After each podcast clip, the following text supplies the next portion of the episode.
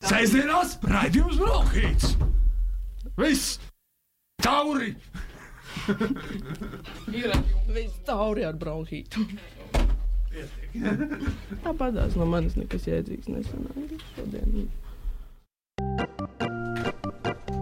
Sveiciens visiem sestdienā! Šeit literatūras raidījums Bronhīts. Kā jau katru otro sestdienu kopā ar jums, pulksten trijos. Es esmu Marija Līsija Meļķa, un man blakus Latvijas mītīņa. Čau, Latvija! Čau! Kā tu jūties šajā mēnesī? Um, nu, šobrīd labāk, bet, uh, bet kopumā, kopumā briesmīgi. Briesmīgi, pilnīgi. Nu, pārspīlējot kaut kādā ziņā, bet, uh, bet, bet man šķiet, ka februāris ir tāds liels pārbaudījums. Jā, tas laikam ir patiesībā diezgan izplatīti. Es esmu atrapusies kaut kādā tādā brīdī dzīvē, kurā es visā visumā jūtos ļoti labi patiesībā, bet ik reiz, kad man kāds cilvēks pajautā, nu kā tev iet, Luīs, vai mēģi, vai kā? Nu tajā brīdī tas cilvēks izvēlēs mani uzrunāt, un tad es saku ļoti labi, tā sejas izteiksme, ko es sastopu sev pretī, ir tāda, ka, ka šis cilvēks ir dzirdējis šos vārdus, bet nav ļoti sentos saticis. Ne, es domāju, ka uh, pēc vis kaut kā spriežot, uh, man iet ļoti labi arī. Nu, un es pati to uh, apzinos. Bet tajā pašā laikā ir, rīti, kuros es pamostos un, un man gribas raudāt un iekāpt lidmašīnā un aizbraukt uz Havaju salām. Jāatzīst, ka arī fizioloģiskā līmenī, vai es pat nezinu, kāds tas īsti ir, bet kaut kur, kaut kur ķermenī es arī uh, jūtu un satieku šim gada laikam ra raksturīgās lietas, priekšmetus šī gada laika. Viņi tur ir. Vai šī polktiņos. gada laika priekšmeti ir arī grāmatas, varbūt? Labā gadījumā, jā. Varbūt arī ļoti daudz grāmatas dažos gadījumos. Kādos gadījumos, piemēram? Piemēram, kad ir uh, tas žūrijā, tev jāizlasa ļoti daudz grāmatas. Ja šis reiz ir rādījums par literatūru, tad būtu kaut kā dīvaini nepieminēt, ka ir Latvijas literatūras gada balvas laiks sācies, bet mēs neko daudz par to nerunāsim, jo mēs esam angažētas personas. Mēs esam pārāk iesaistītas. Es labprāt par to parunātu, bet nu. Bet ko mēs varētu darīt? Nu, es domāju, ka mēs varētu kaut ko palasīt šodien. Palasīt. Palasīt vienotrai priekšā. Kaut kādas foršas grāmatas, kādā šķiet lai tas pavasaris nāk. Lai viņš atnāk pēc iespējas ātrāk. Šīs skaņas, kuras jūs varbūt varat dzirdēt, kā čaukstēšana un, un papīra, ir, uh, ir būtībā grāmata, kas vienkārši jūg ārā. Nu, dien, reizēm gan tas man liekas visai niecīgs gandarījums, taču 40 gadu vecumā es raugos uz savu seno, saulēno draugu, vidusmēra lasītāju, kā uz manu pēdējo īsteno sabiedroto, un reiz, kad es vēl biju patsmitnieks, visinteresantākais un vismazāk uzpūtīgais speciālists cilvēku attiecību jautājumos, kādu man nācies pazīt, pieprasīja, lai es saglabāju skaidru un neatlaidīgu skatienu uz šādu attiecību patīkamo pusi. Kaut vai tās mūžam paliktu tik dīvainas vai šausmīgas. Manā gadījumā viņš tās uzskatīja par dīvainām, Jājautā, kā gan rakstnieks var izjust šo patīkamo pusi, ja viņam nav ne mazākā priekšstata par savu vidusmēru lasītāju.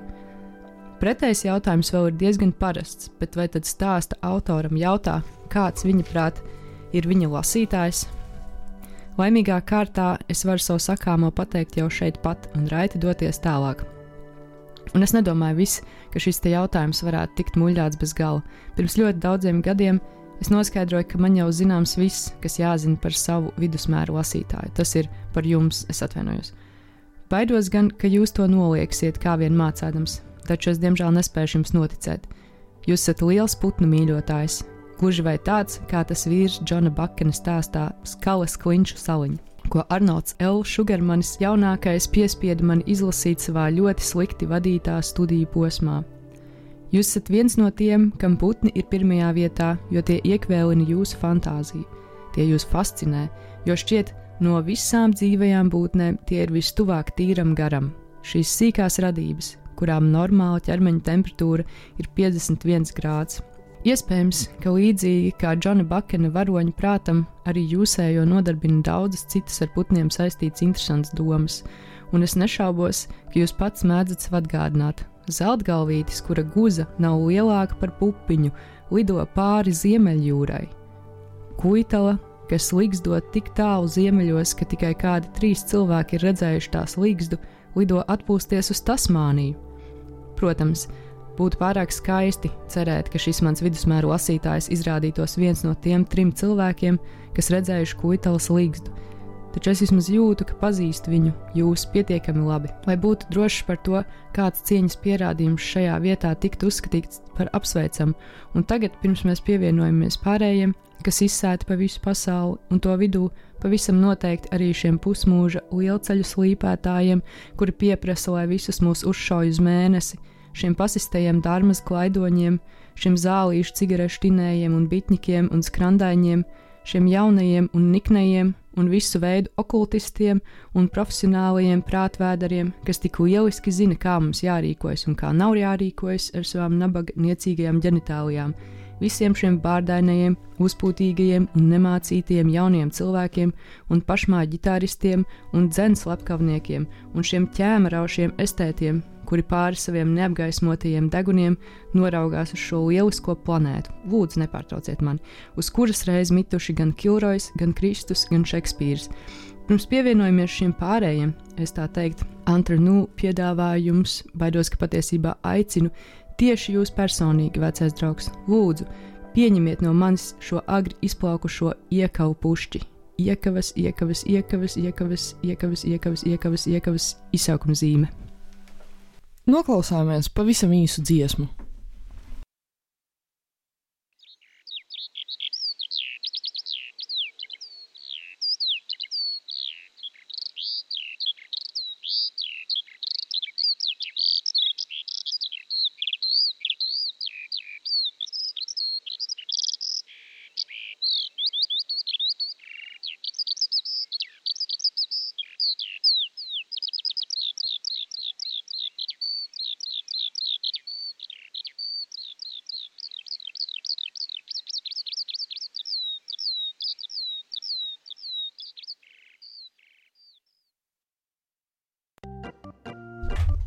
Tā bija lauku cīruļa dziesma no albuma Desmit visbiežāk līgstojošās putnu sugas Latvijā. Un tas, ko jūs dzirdējāt pirms šīs brīnišķīgās putnu dziesmas, bija fragments no garstāsta, vai, vai varbūt arī novelas ar nosaukumu Sīmors Ievads, ko ir sarakstījis Čerams Tevits Selingers.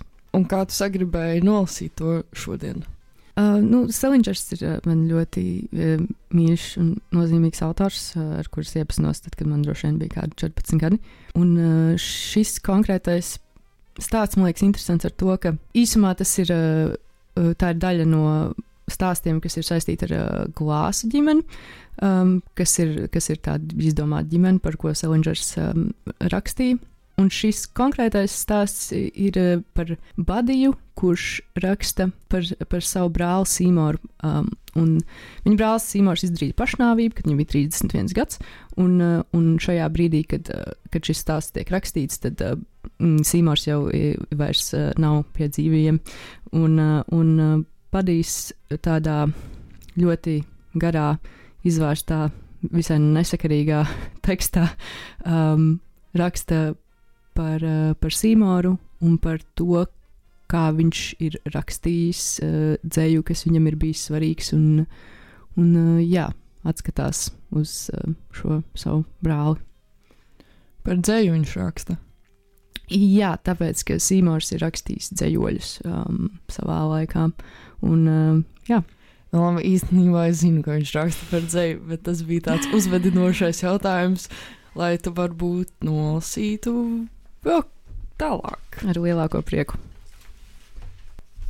Ticošam, pacietīgam, hermētiski tīram cilvēkam visas pasaules svarīgie procesi, izņemot varbūt dzīvi un nāvi, kas ir vienīgi vārdi, bet visi svarīgie procesi noris visai skaisti. Vairāk nekā trīs gadu laikā, līdz beigām Sīmors izjuta kaut ko tādu, kam vajadzētu būt bijušam tam pilnīgajam gandarījumam, ko ļauts izjust vienīgi daudz pieredzējušam amata meistaram. Viņš atklāja dzīslu formu, kas bija viņam vispiemērotākā, kas vispilnīgāk atbild viņa pastāvīgajām prasībām pret dzēju vispār, un ko, manuprāt, pat Overmana jaunkundze, ja vien viņa vēl būtu dzīva, visticamāk uzskatītu par saistošu un pat jauku, katrā ziņā jaunu līdzdalības jūtas izraisošu ja vien viņi pievērstu tam savu uzmanību tikpat neapvaldāmi kā saviem vecajiem lauciniekiem, Brauningam un Vērtsvertam.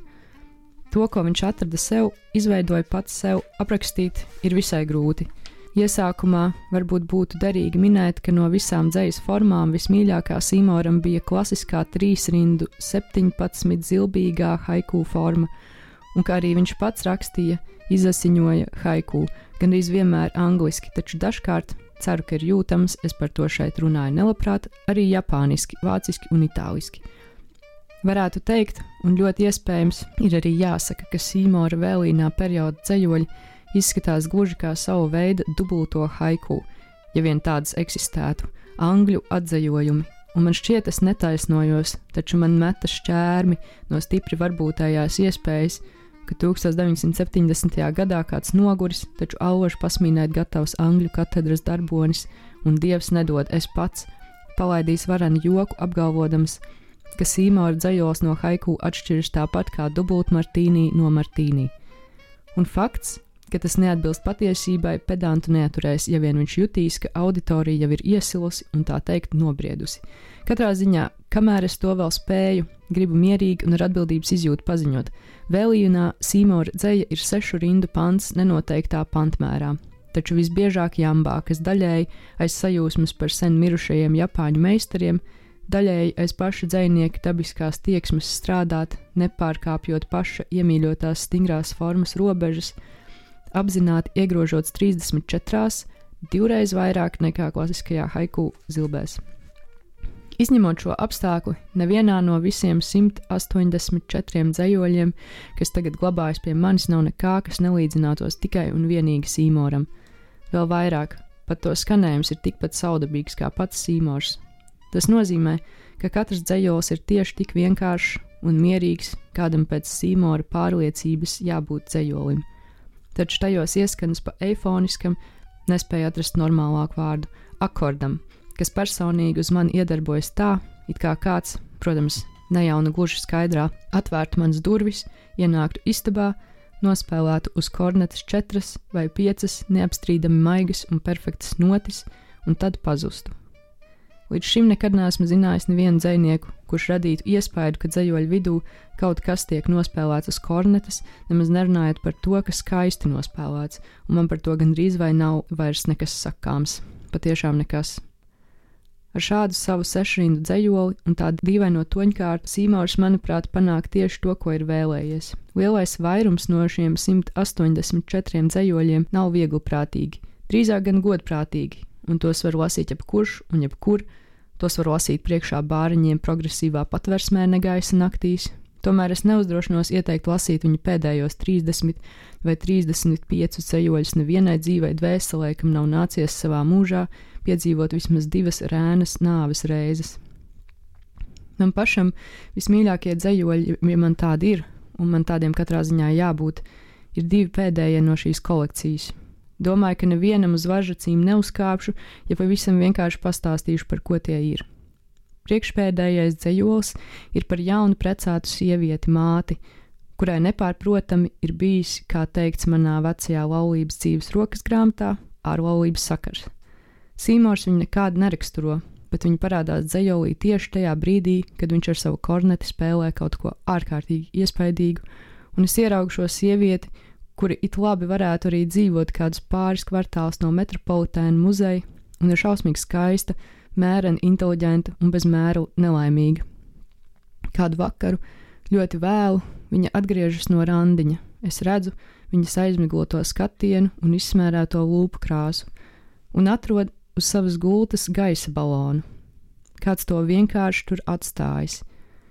Dzēnieks gan to nepasaka, taču tas visdrīzāk varētu būt liels, piepūsts rotaļbalons, iespējams zaļš, kā centrāla parks pavasarī. Otrs Pēdējais dzējos stāsta par to, ka kādu vakaru jauns atraitnis no priekšpilsētas sēž mauriņā pie savas mājas, nu, protams, ģērbies pidžamā un naktsvārkos un vēro pilnu mēnesi. Garoaikots, balts kaķis, acīm redzot viņa nama iemītnieks, kas reiz varētu būt bijis galvenā figūra tajā, pienāk un saritinās viņam klēpī, un viņš, vērodams mēnesī, ļauj kaķim kost sev kreisajā rokā. Šis man liek gribēt nolasīt pāris dzējoļus, kuri pavisam noteikti nav haikas. No Mārta Pujāta, Daļradas, un proti grāmatas Nāgais man pati lampa. Nesnaužam nākam palīdzēt apliet nektāru, sauc nama māte. Kas ir nektārs? prasa Ežāns savā tumšajā rūmē. Nektārs, nama mātes mazā meita Jūlija čukst, ir viskaistākā puķe, bet nektārs taču nav. Svēmpies augšā, paļauj nama māte no pelēkās virtuves. Ežēns svempies. Kāp uz tās taburetes, nama māte pavēl, ežēns kāpj. Uz balta plaukteļa pielā ieriktāts kaut kāds laksts, pa kātu rāpo laputis, tām pakaļ bizbizmāre.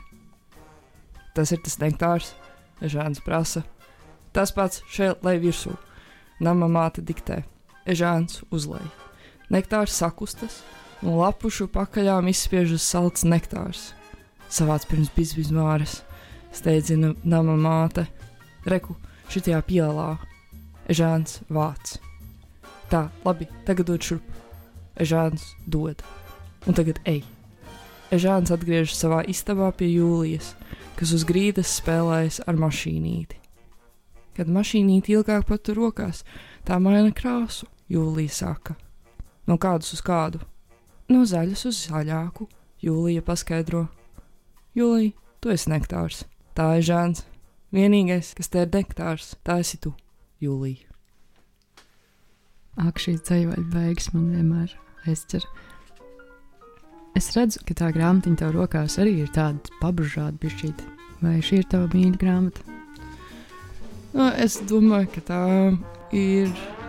Es vēlos aizslēpties aiz tā, ka tā mums visiem ir mīļa grāmatiņa. Manā ieskatā, bet jā, jā, tā ir. Bet viņa arī, jāsaka, diezgan viegli ir dilusi. Tas notika Jā, jā, es- strauji. Es piekrītu, ka viņa ir tāda viegli dilstoša grāmata. Noklausāmies vēl vienu Lūdzu, par ežānu. Cirvis iegūla ežāna rokā. Viņš atvēzējās un meta. Lidojums. Smaguma centra saudabīgā loģika. Apmetis trīs četrus lokus ap savu asi, cirvis ar kātu atsitās pret mācību stabu, kurā tam pēc idejas vajadzēja sulīgi iesties ar asmeni. Nokrita turpat līdzās. Kā tāda bezjēdzīgi nodzīvota dzīve, nodomāja Ežāns. Treneris piegāja, pacēla cirvi un atgriezies teica: Vai tā es tev mācīju? Kā es tev mācīju? Šitā vajag. Un treneris rādīja: Tev vajag saprast, vajag izjust cirvi kā rokas turpinājumu. Un treneris pāris reizes parādīdams kustību, kurā cirvis skaidri turpināja roku, veica paraugsviedienu. Cirvis apmetis trīs četrus lokus ap savu asi, ar visu smaguma centra saudabīgo loģiku sulīgi ieēdās mācību stabā. Tā, tagad tu atceries, kā es tev rādīju. Ežens atvēzējās un svieda. Šoreiz turpinājums apmetis lokus ap savu asi, aizlidoja stabam garām, bet tad tā vietā, lai piezemētos puķu dobē kā zemē nosviesta dzīve, tas sāka aprakstīdams slaidu trajektoriju nākt atpakaļ. Nav labi. Žāns saķēra galvu, bet treneris neapjuka un ar veiklu rokas kustību noķēra cirvi. Vai es tev teicu mēst bumerānga metienu? Bargi vaicāja treneris. Nē. Tad kāpēc tu man met bumerānga metienu? Es nemaz nezināju, ka tāds arī ir. Ir tāds. Treneris jau mierīgāk un gandrīz pie sevis teica, it kā ar to viņam saistītos kādas senas un smeldzīgas atmiņas. Noklausāmies vēl kādu īsu dziesmu. Es tieši gribēju teikt, ka vajag uzlikt.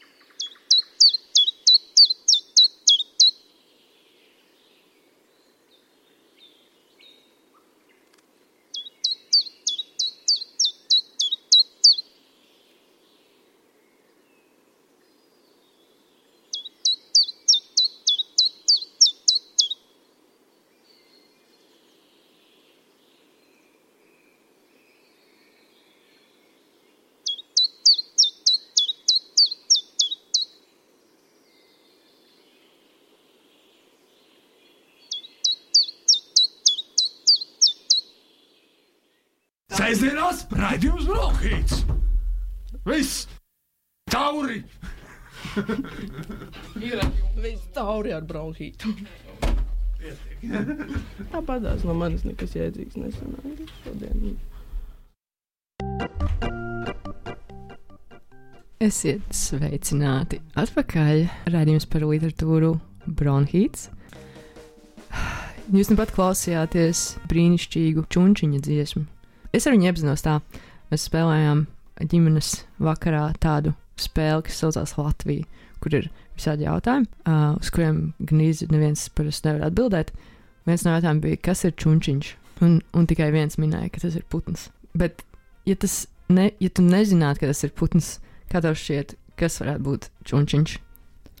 Kāds sens dižgars. Vai, vai kaut kāds tā kā cirslīšu paveids? Jā, nu, es kaut kā uzsēdos uz tā, ka pirms tam par tām haikām lasīju. Vienkārši čunčiņš, es domāju, varētu arī būt kāds um, vietas cilvēks bijis.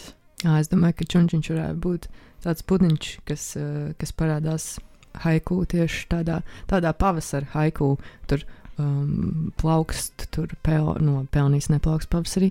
Kaut kas tur uh, karoči plaukst. Bet tur plaukst. Un, tur plaukst un, uh, un pāri galvai pārlido mazais čunčiņš.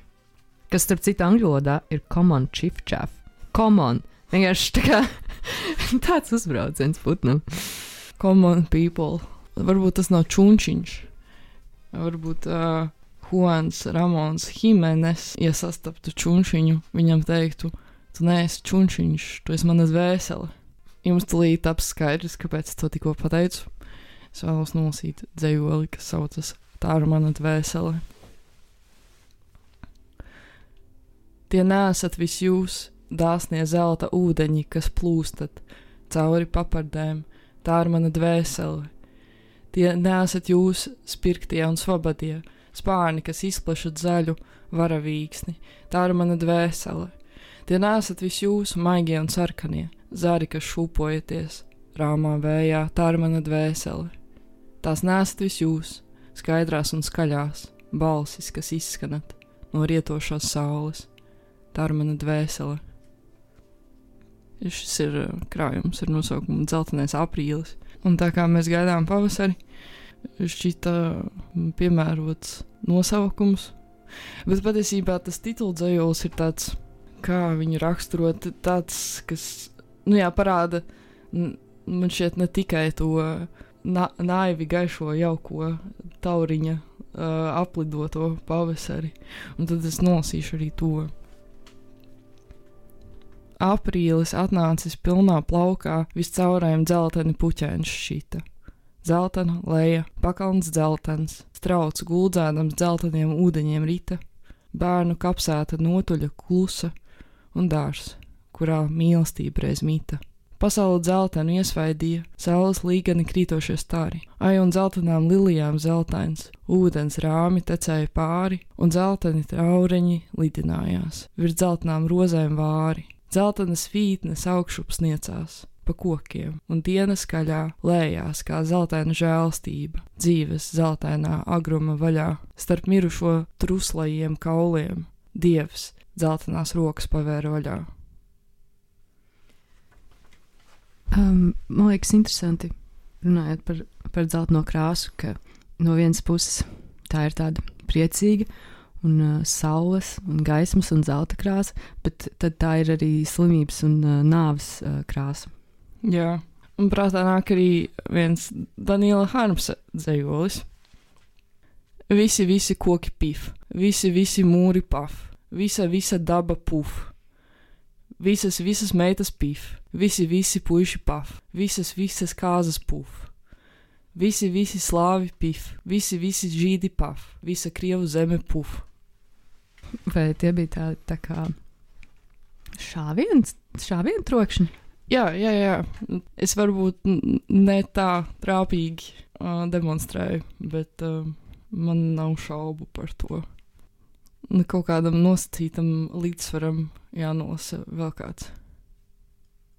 Es iemīlēju tevi, vai kāds to nojaust spēs, es nenodošu sevi, neskropsta netrīcēs. Skries pagājība gadi un mīla aiztecēs, bet tomēr it nekad neskropsta netrīcēs. Kad tevi ieraudzīju, viss manim aizmirsās. Es vienmēr skumīgs biju, pat trakās izpriecās. Viss pēkšņi kļuva svešāds man šajā pasaulē, un vienmēr katrai dāmai es atsacīju: Nē. Tagad varētu noklausīties kādu tumšāku gabalu, varbūt no mūsu šodienas repertuāra.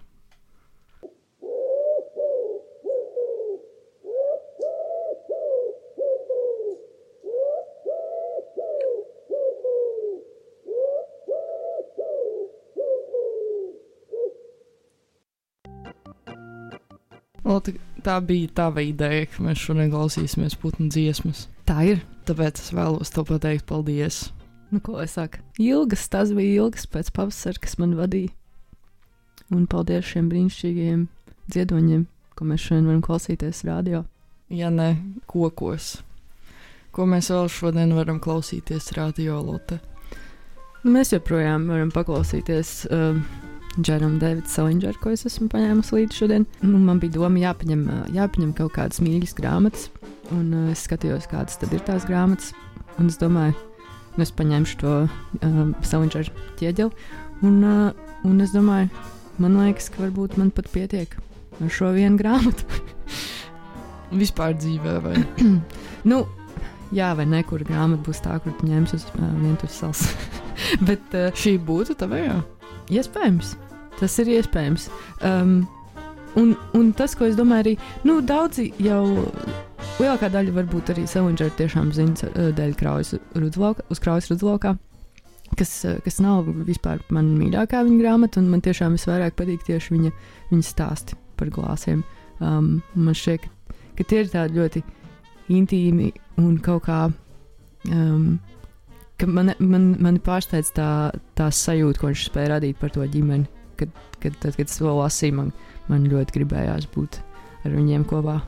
Um, Manā mamma kaut kad relatīvi nesen stāstīja to, ka tad, kad es kļuvu par arvien vecāku pusaudzi, respektīvi, nu, ne, ne tur pavisam maz 11 gados, bet tur drusciņi vēlāk, tad viņi skatījās uz mani un do, domāja par to, ka, ka labi, nu, viņa bija lasījusi šos te Salinger stāstus, un ir tādi cilvēki tas ir zināms. Cēloņš palīdzēt vai mātei saprast uh, to, kas ar tevi notiek. Jā, jā, jā. jā.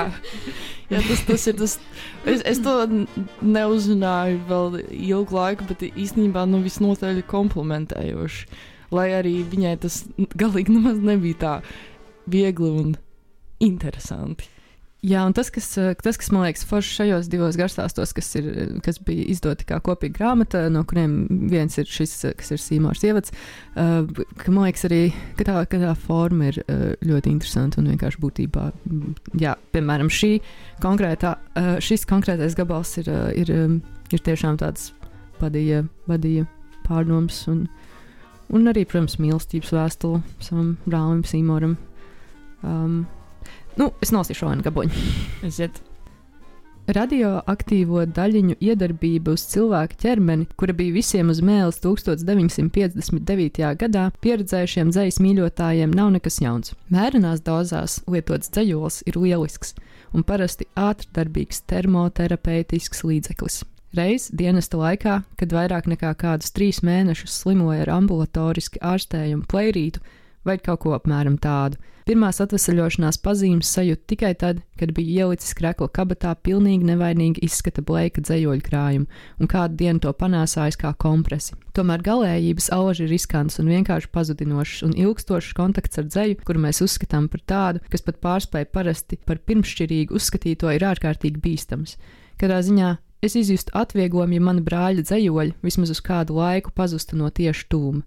Jūtu, ka esmu guvis vieglu, taču plašu apdegumu, un man pašam tā rašanās šķiet pilnīgi likumsakarīga. Lielāko daļu savas jaunības un visu pieaugušu cilvēku dzīvi Sīmoru visvairāk saistīja ķīniešu un vēlāk tikpat stipri arī japāņu dzēju. Turklāt tā, kā viņu nesaistīja nekāda cita dzēja pasaulē. Man, protams, nav nekādas iespējas ātri noskaidrot, cik labi vai ne sevišķi labi manam daudz cietušiem vidusmēra lasītājiem ir zināma ķīniešu vai japāņu dzēja Tomēr, ņemot vērā, ka pat īsa šīs dzīslas analīze varētu diezgan daudz ko paskaidrot par mana brāļa raksturu, domāju, ka šī nav īstā reize būt pavisam lakoniskam un atturīgam.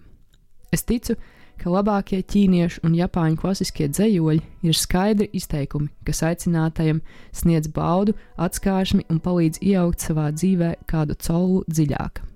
Tie var būt un bieži arī ir īpaši tīkami tieši ausī, taču noslēpumainajos austrumos neviens kādu ķīniešu vai japāņu dzinieku nopietni nenosauks, ja vispār nosauks par dzinieku, lai cik gari vai neparasti vai fascinējoši būtu viņa semantisko un intelektuālo pūliņu rezultātā radītie panti, lai cik valdzinoši tie tiktu skandēti, ja vien viņa īstā, stiprā puse nebūs spēja ar pirmo acu uzmetienu novērtēt tiešām īstu dataļplūmi, īstu krabi vai īstu oda kodienu īstā rokā, Es pats apzinos, ka mana nepārtrauktā iekšējā pacilātība, kuru es, manuprāt, pamatot, lai gan varbūt pārāk bieži esmu nosaucis par laimi, draud pārvērst visu šo sacerējumu par ākstu monologu. Man pietrūks nekaunības pat pamēģināt izteikt to, kas ķīniešu vai japāņu dzinieku padara tik brīnišķīgu un priekpilnu. Tomēr šis tas prātā ienāk. Kam gan negadās? Nedomāju, ka tas ir tieši tas, ko es meklēju, taču es nevaru to ņemt un vienkārši izmest ārā. Reiz sasodīts sen atpakaļ, kad Sīmoram bija astoņi un man seši gadi, vecāki mūsu mitekļa trīs ar pus istabās vecajā Almanak viesnīcā Ņujorkā sarīkoja viesības kādiem 60 cilvēkiem. Viņi oficiāli atvadījās no savas vodaviļas aktieru karjeras, un tas bija gan aizkustinošs, gan arī svinīgs notikums. Tā ap 11. mums abiem atļāva izkāpt no gultiņām un mazliet paskatīties. Mums gan tika vairāk par vērošanu vien, paklausīdami aicinājumam, mēs bez jebkādiem iebildumiem no savas puses gan padejojām, gan padziedājām, vispirms pa vienam, tad abi kopā, kā jau mūsu ģimenē bērni to dara. Taču galvenokārt mēs vienkārši noskatījāmies, kas notiek. Ap diviem, kad viesi sāka izklīst, Sīmors palūdza Besiju, mūsu māti, atļaut viņam piedāvāt aizejošajiem viesiem viņu mēteļus, kuri bija pakārti, izklāti, nomesti, sakrauti kaudzēs, pa visu nelielo dzīvoklīti, pat uz gulošās māsiņas gultas gala. Kādu duci viesu mēs ar brāli pazinām labi, vēl kādus desmit vai mazliet vairāk pēc izskata un nostāstiem, pārējos nepazinām nemaz vai gandrīz nemaz. Es uzsvēršu, ka mēs jau bijām gultās, kad viņi visi ieradās. Tomēr Sīmors kādas trīs stundas vērojas viesus, uzsmaidīdams viņiem un, manuprāt, arī iemīļodams viņus, Nevienu jautājumu neuzdevis gandrīz visiem viesiem, reizes diviem uzreiz, atnesa tieši viņu mēteļus, un vīriešiem arī viņa cepures, nereizi nekļūdīdamies. Dāmu cepures viņam sagādāja zināmas grūtības. Necentīšos iestāstīt, ka šāda veida prasme ir raksturīga ķīniešu vai japāņu dzēniekam, un pilnīgi noteikti netaisos apgalvot, ka tieši tā padara viņu par to, kas viņš ir, Tomēr domāju, ka ķīniešu vai japāņu dzeidarim, ja tas neprot pēc izskata noteikt, kurš mētelis kuram pieder, ir ļoti maz cerību, ka viņa dzēja jau kad sasniegs briedumu, un esmu pārliecināts, ka astoņi gadi ir gandrīz vai pēdējā vecuma robeža, kad šai necilējai meistarībai jau jābūt apgūtai. Paklausīsimies Simonoviča uh, dziesmu Gaismas narkomāni. Viņam nu pat ir iznācis jauns albums. Daudz laimes, Juri! Un sveiciens visiem gaismas narkomāniem. Dzirdēju, kā vazumi pabrauc garām dārza žogam. Dažkārt arī saredzēju tos pa viegli kustīgām lapotnes spraugām, kā vasaras tveicē krakšēja koks un spieķos un dzīselēs. No tīrumiem atgriezās strādnieki un smējās tā, ka taisni kauns. Es sēdēju mūsu mazajā šūpolēs, pat labi atpūtos starp kokiem savu vecāku dārzā. Aiz žoga nebija rīmas. Bērni naskā solī, acu mirklī paskrēja garām. Labības vezumi ar vīriem un sievām, kas sēdēja uz kūlīšiem un gāja līdzās ratiem, aptumšoja puķu dobes. Pret vakaru es ieraudzīju kādu kungu ar spieķīti, Viņš gausi pastaigājās un pāris meiteņu, kas roku rokā nāca viņam pretim, sveicinādams pakāpās sāņus ceļmalas zālē. Tad kā šļakatas gaisā uzlidoja putni, es sekoju tiem ar skatienu, redzēju, kā tie paceļas vienā elpas vilcienā, līdz man šķita, ka nevis tie ceļas, bet gan krītu es pats, un stingri turēdamies pie virvēm, es no vājuma sāku mazliet šūpoties. Drīz es šūpojos stiprāk, kad gaiss jau vēdīja vēsāku un lidojošo putnu vietā parādījās trīsošas zvaigznes. Sveču gaismā es ieturēju vakariņas. Bieži atbalstījos ar abiem dēliem uz koka galda un jau noguris kodu savā sviestmaizē. Stipri cakaini aizkari piepūtās siltajā vējā, un lāgiem kāds, kurš ārpusē gāja garām, pieturēja tos ar rokām, ja gribēja mani labāk saredzēt un uzrunāt. Lielākoties svece drīz nodzisa, un tumšajos sveces dūmos vēl kādu laiku maldījās sapulcējušies odi. Ja aiz loga man kāds kaut ko jautāja, es skatījos uz viņu tā, it kā raudzītos uz kalnu grādu vai tukšā gaisā, un arī viņam atbilde nebija ne diez cik svarīga. Ja kāds tad pārlēca pār palodzi un paziņoja, ka pārējie jau esot mājas priekšā, tad gan es nopūstamies piecēlos. Nē, nu kāpēc tu tā nopūties? Kas tad ir noticis? Vai kāda īpaša nelaime, ko tad vairs nevar vērst par labu, vai mēs nekad nespēsim no tās atgūties? Vai tiešām viss ir pagalam? Nekas nebija pagalam. Mēs izkrājām mājas priekšā. Paldies Dievam, jūs beidzot esat klāt! Tu jau vienmēr ierodies par vēlu. Par ko tad es? Taisni tu, tad paliec mājā, ja negribi nākt līdzi. Nekādas žēlstības. Ko? Nekādas žēlstības? Kā tu runā? Ar galvu mēs caururbām vakaru. Nebija ne dienas laika, ne nakts laika. Drīz mūsu vestes pogas trinās cita pret citu kā zobi. Drīz mēs skrējām vienādā atstatumā ar uguni mutē, kā tropu dzīvnieki. Kā kirasiere vecos karos, kājas dimdinādami un augstu gaisā, mēs dzinām cits citu prom pa īso celiņu, un ar šo ieskrējienu kājās tālāk prom pa lielceļu. Daži iekāpa ceļmalas grāvī un līdz ko nozuduši pret tumšo slīpumu, jau atkal kā svešinieki stāvēja augšā uz lauku ceļa un skatījās lejup. Kāpiet lejā! Vispirms uzkāpiet augšā! Lai jūs nogrūžat lejā, nenāk neprātā, tik daudz sajēgas mums vēl ir. Tik daudz gļēvulības jūs gribējāt sacīt, nu taču nāciet, tiešām jūs, taisni jūs nogrūdīsiet mums lejā, kā gan jums tad jāizskatās? Mēs uzbrukām, saņēmām dunkas krūtīs un nogulām grāvju zālē, kristami un brīvprātīgi. Viss bija vienmērīgas asilis. Zālē mēs nejūtām ne siltumu, ne augstumu, tikai nogurums uzmācās.